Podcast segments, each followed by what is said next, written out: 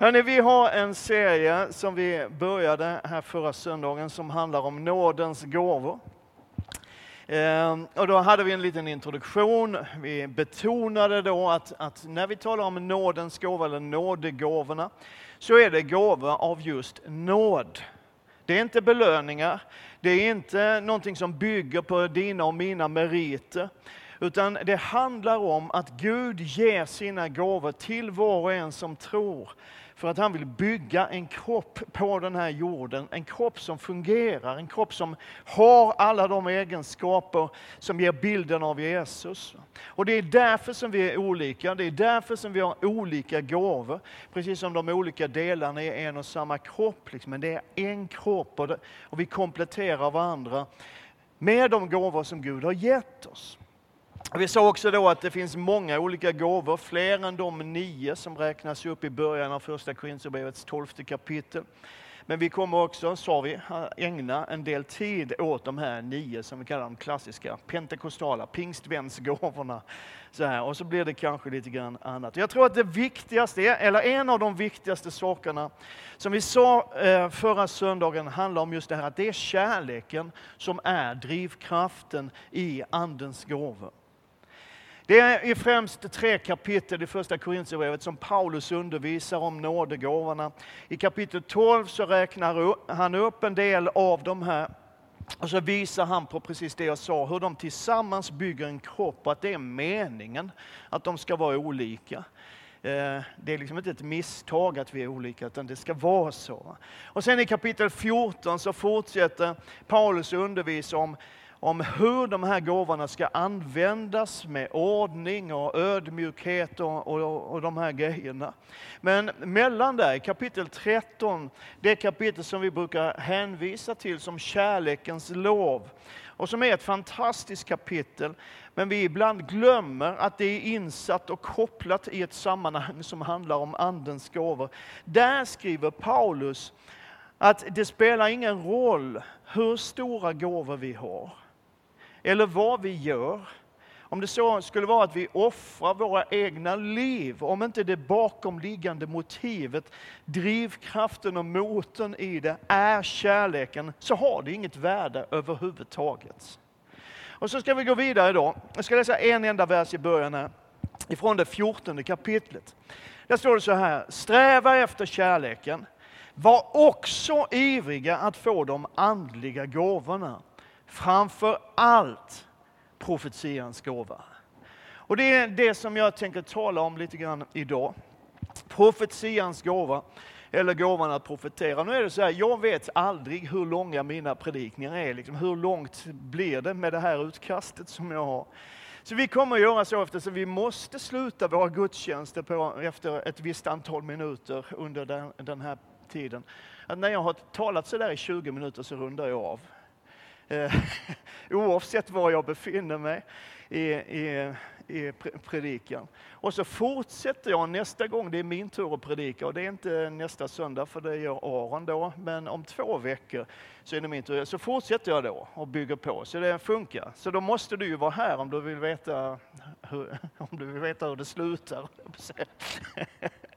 och vi ska tala om, om profetians gåva, gåvan att profetera. Och jag tror det är lite grann så här, åtminstone är det så för mig, jag kan tänka mig att det är lite så för dig också.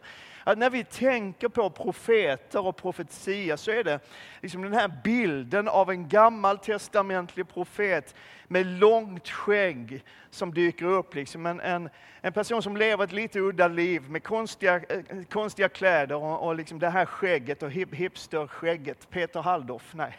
Men, som dyker upp i en situation någonstans och så talar han ibland i alla fall i svårtolkade bilder. Det är lite mystiskt så här. Men grejen är att, att det är inte riktigt det som gåvan att profetera handlar om, den som Nya Testamentet talar om som gåvan att profetera. Och låt mig säga för det första då att ha gåvan att profetera gör dig inte till profet. Det är skillnad på det. Vi ska tala mer om det lite längre fram. Paulus säger att alla kan profetera. Ni kan alla profetera, en i sänder, inte två på samma gång, det blir jobbigt. Så att alla blir undervisade och blir uppmuntrade. Men han säger också Paulus att alla är väl inte apostlar, alla är väl inte profeter, alla är inte lärare, alla gör väl inte kraftgärningar. Så man kan ha gåvan att profetera och den kan alla ha. Alla troende kan profetera. Men det gör dig inte till profet, det gör dig inte till en tjänst, det gör dig inte till någonting märkvärdigt alls, för det här är gåvor av nåd. Så vad är då profetia? Själva ordet profetia bygger på ett annat ord, det är ofta så i, i livet och speciellt i grekiskan. Profeme, som betyder att tala inför någon. Så det är ungefär det jag gör nu, jag talar inför er. Eh, ehm, men det kan också betyda att tala på någons uppdrag. Att tala på någon annans uppdrag. Så att i nytestamentlig mening, om man sätter in ordet i den kontexten, så betyder att profetera att säga någonting från Gud till någon annan. Så det är någonting mer än goda råd, det är mer än allmän undervisning, det är till och med mer än allmän bibelundervisning. Det är en hälsning från Gud i en specifik situation till en speciell person eller personer, kan vara en hel församling. Och Det betyder ju också att en hälsning kan vara profetisk även om den inte gäller dig. För den kan ju vara riktad till den som sitter bredvid dig. Amen.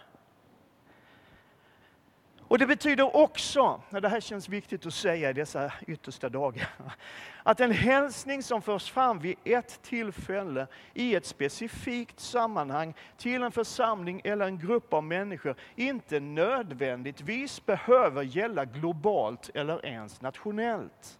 Det är viktigt att säga.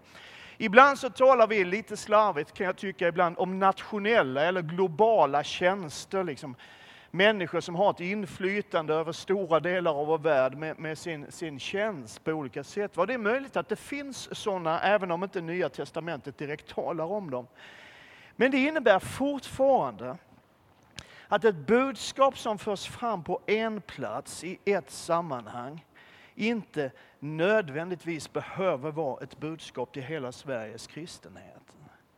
Och vi lever ju i en tid när i stort sett, du kan hitta i stort sett varenda predikant på Youtube och andra kanaler. Du kan lyssna på predikanter och konferenser och ta del av allt möjligt. Och det är jättebra, gör det.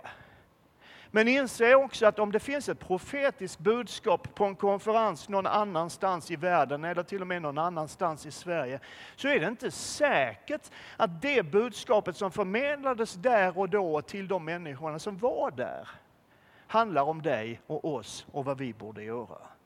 Det är bra att ha den lilla urskiljningen ibland. Sen finns det, tror jag, tillfällen när Gud talar rakt in i en nation till ett helt folk. Men då har jag upplevt att då gör han ofta det genom flera olika samtidigt. Han har liksom råd med det. Profetia är en hälsning från Gud i en specifik situation till en speciell person eller till en speciell grupp av människor. Det är själva definitionen. Det här är vad, vi pratar om. Och det är så här att när Paulus undervisar om profetians gåva så ger han den liksom en ram. Han, det här är profetia, det här är vad den består av på något sätt. Och vi läste nyss i den här texten, ni kan alla profetera, en är sänder, så att alla blir undervisade och uppmuntrade. Har två grejer, undervisning och uppmuntran. Och I den tredje versen i första Korinthierbrevet 14 så säger han så här, den som profeterar talar till människor och ger uppbyggelse, uppmuntran och tröst. Visst är det bra? Det är ju bra grejer, man vill ha alltihop. Inget av det här som man känner, att det vill jag inte ha. Utan det här, det här är ju bra. Så vad blir det då om man lägger samman de här två bibelorden? Så är profetia, det är undervisning slash uppbyggelse.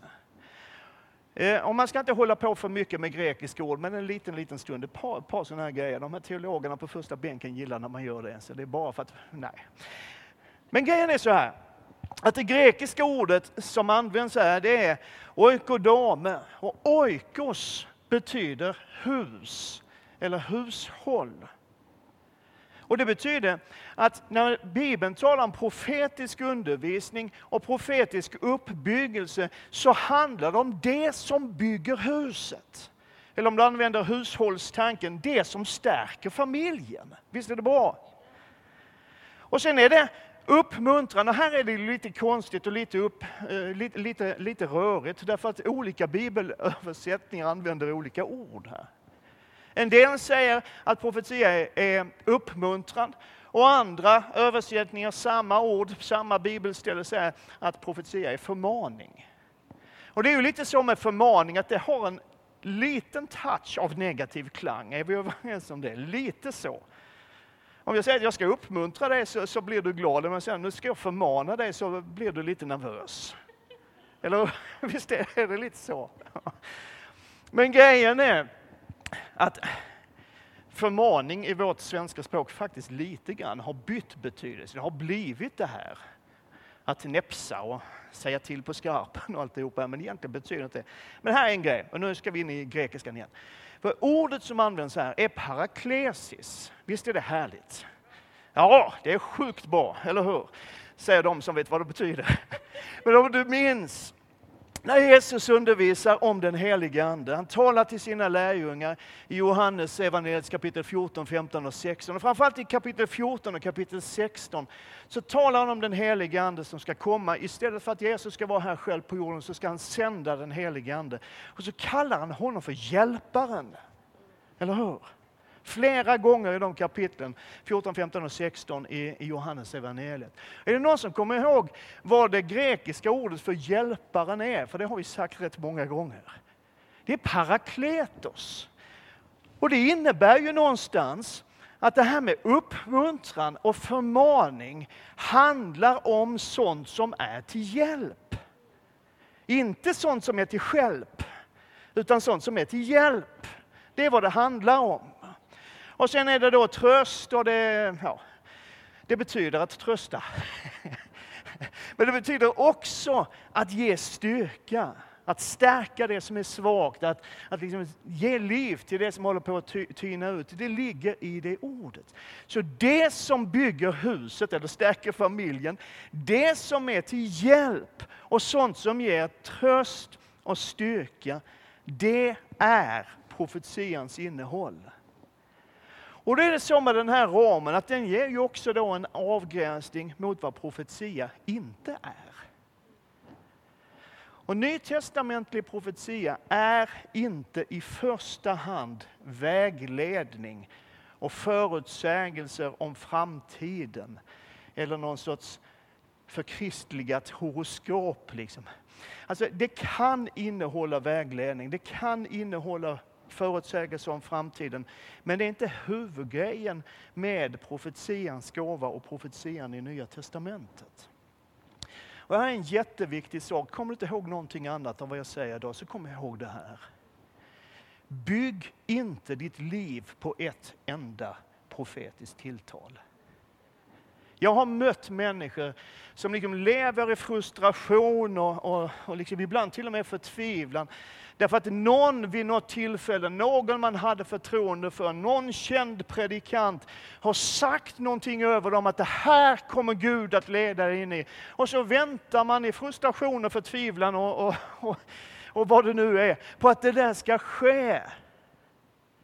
Bygg aldrig ditt liv på ett enda enstaka profetiskt tilltal. Och jag vill säga det här också, det här, det här är bra. Att jag tror att det är så här, jag är rätt övertygad om att det är så här, att Gud talar inte till dig för första gången om någonting som han vill att du ska göra, eller du ska vara, eller du ska bli, genom ett profetiskt tilltal från någon annan. Utan Gud lägger ner i ditt liv drömmar, visioner, talanger, liksom den du är.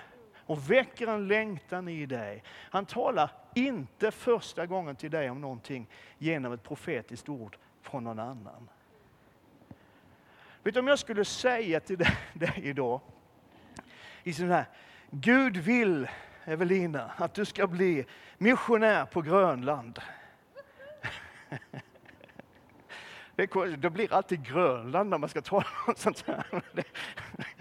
Ja, men om jag skulle säga det, Gud vill Evelina att du ska bli missionär på Grönland och du aldrig ens har tänkt en tanke på Grönland så är mitt budskap varken uppbyggande eller uppmuntrande eller tröstande. Det är väl i bästa fall förvirrande. Och då är mitt råd att du glömmer vad jag sa. Och, och, är det verkligen Gud och han kanske har talat till dig men du inte har lyssnat, då får han ju tala igen då. På något annat sätt. Men grejen är att om du hade haft sådana tankar, vilket jag hoppas du inte har, men om du hade haft sådana tankar och drömt om Grönland och liksom burit på en aning och så kommer jag och säger det till dig så blir det ju bekräftande. Och då bygger det upp dig i någonting som du redan har haft på känn. Och det uppmuntrar och utmanar dig att ta tag i det. Och du kanske till och med har funderat på liksom, hur det ska bli med det där som du har gått och burit på. Och kanske gått med en känsla av att det där blir aldrig av. Så blir ju ett sådant budskap till tröst i det läget. Och det är så profetia fungerar. Jag kommer ihåg en gång för ganska länge sedan, rätt många år sedan. Sent en kväll så ringde telefonen hemma hos oss. Jag tror till och med jag hade gått och lagt mig. Och så var det en god vän till mig som, som eh, också han pastor, hade en pastor några mil ifrån den platsen där vi bodde på. Och så säger, säger han så här, Christer, Gud har sagt till mig att du ska ta över min församling för jag ska gå på Livets Ords bibelskola. Jag vet inte riktigt exakt vad jag svarade, men det var nog någonting i stil med att det tror jag inte. Eh, någonting sånt. Och då, så, då kontrar han med, ja men han har sagt det till min fru också. Och jag kan bara säga då, ja det är möjligt, men Gud har inte sagt det till mig. Och det är så vi måste förhålla oss till det som sägs in i våra liv av andra. Hur får man då ett profetiskt budskap? Jag tror att en av de viktigaste vägarna som Gud talar är genom sitt eget ord, genom bibelord. Gud talar i första hand genom sitt ord.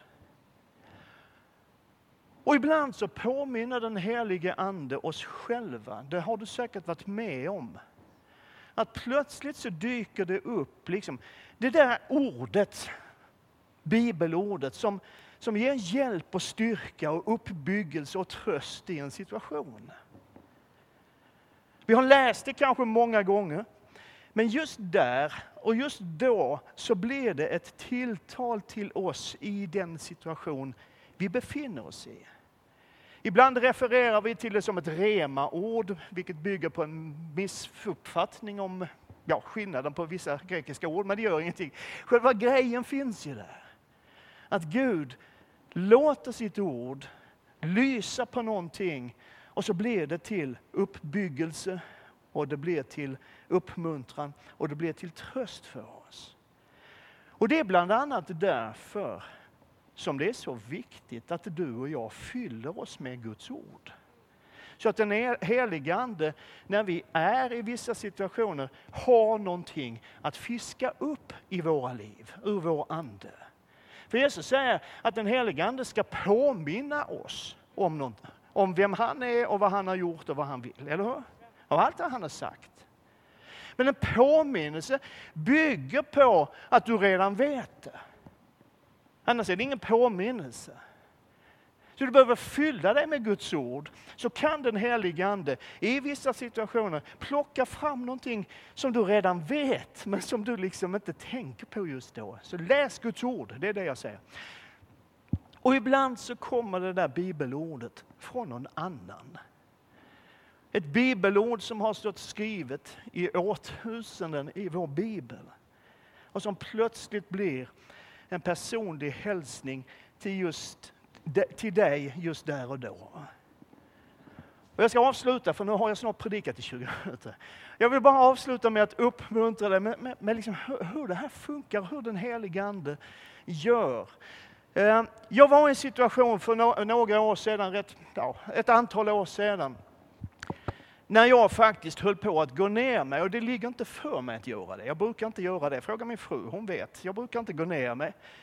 Men då var jag i en situation, jag hade hamnat i en konflikt med någon som jag tidigare fram tills dess hade betraktat som en, en god vän. Och liksom det här var jobbigt. Jag kände mig eh, missförstådd, kände mig feltolkad och jag kände mig orättvist behandlad. vet, ibland, ibland så hamnar man liksom i det här misströstans och självömkans träsk. Har du varit där någon gång? Och jag tyckte att det var väldigt synd om mig. Och jag tyckte det var jobbigt. Jag visste inte hur jag skulle lösa den här situationen. Och så sitter jag på mitt kontor, på min expedition, och så ringer telefonen. Och så säger en man, och det hördes på rösten att det här var en äldre man. Och så han så här, jag känner inte dig. Vi känner inte varandra, vi har nog inte träffats, sa han. Men under, under några dagar här så har jag liksom haft en förnimmelse. Visst är det ett härligt ord? Förnimmelse. Det är lite mer än att få lite feeling. Liksom. Jag har fått en förnimmelse. Det blir en andlig tyngd i det ordet. Att jag skulle höra av mig till pastorn i Lund, för det var där jag var just då.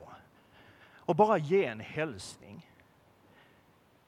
Och så, ja, så det lyssnar jag gärna på. Och så, så, så, så han, han, ger mig bibelord, han säger inte ens vad, vad det står, utan han säger bara så här. Läs Hebreerbrevet 6 och 10, säger han. Och sen så var det samtalet slut. Och jag kommer inte ihåg just då vad det står i Hebreerbrevet 6 och 10, och det gör inte du heller, det ser jag på, på det.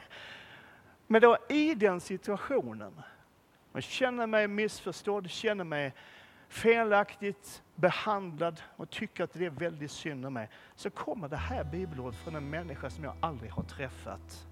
Gud är inte orättvis. Så att han glömmer vad ni har gjort och vilken kärlek ni har visat hans namn genom att nu som tidigare tjäna de heliga. Så när vi talar om den profetiska gåvan, den profetiska tjänsten, om du vill fungera i den, så se till att ditt liv är fyllt av Guds ord. Det är så väldigt, väldigt mycket bättre, många gånger, att ge någon ett ord ifrån skriften. Någonting som man kan återvända till, någonting du kan stryka under, någonting du kan måla i din bibel. Liksom, fyll dig med Guds ord. Och vill du få den här gåvan i funktion i ditt liv, så skulle jag börja säga, det börjar där. Fyll dig med Guds ord. Vi kommer att tala senare om fler sätt som vi kan ta emot profetiska budskap och förmedla dem till andra. Jag ska fortsätta om två veckor om det. Men det börjar här. Utan Guds ord finns ingen profetia, för all profetia bygger på Guds ord. Och allt vad vi säger till varandra i profetisk ande måste vara grundat i Guds ord. Bibeln säger att profetiskt tal ska prövas, och vi kommer att tala mer om det om två veckor. Men det ska prövas, vadå emot? Gentemot Guds ord. Så hemläxa nu, två veckor framåt, och så ska du lyssna på, på Aron nästa söndag. Men hemläxan som du har om du vill komma in mer i den profetiska tjänsten, i den profetiska gåvan, det är använd den här tiden, fyll den med Guds ord. Där har du hemligheten i profetian. Och allt folket sa? Amen.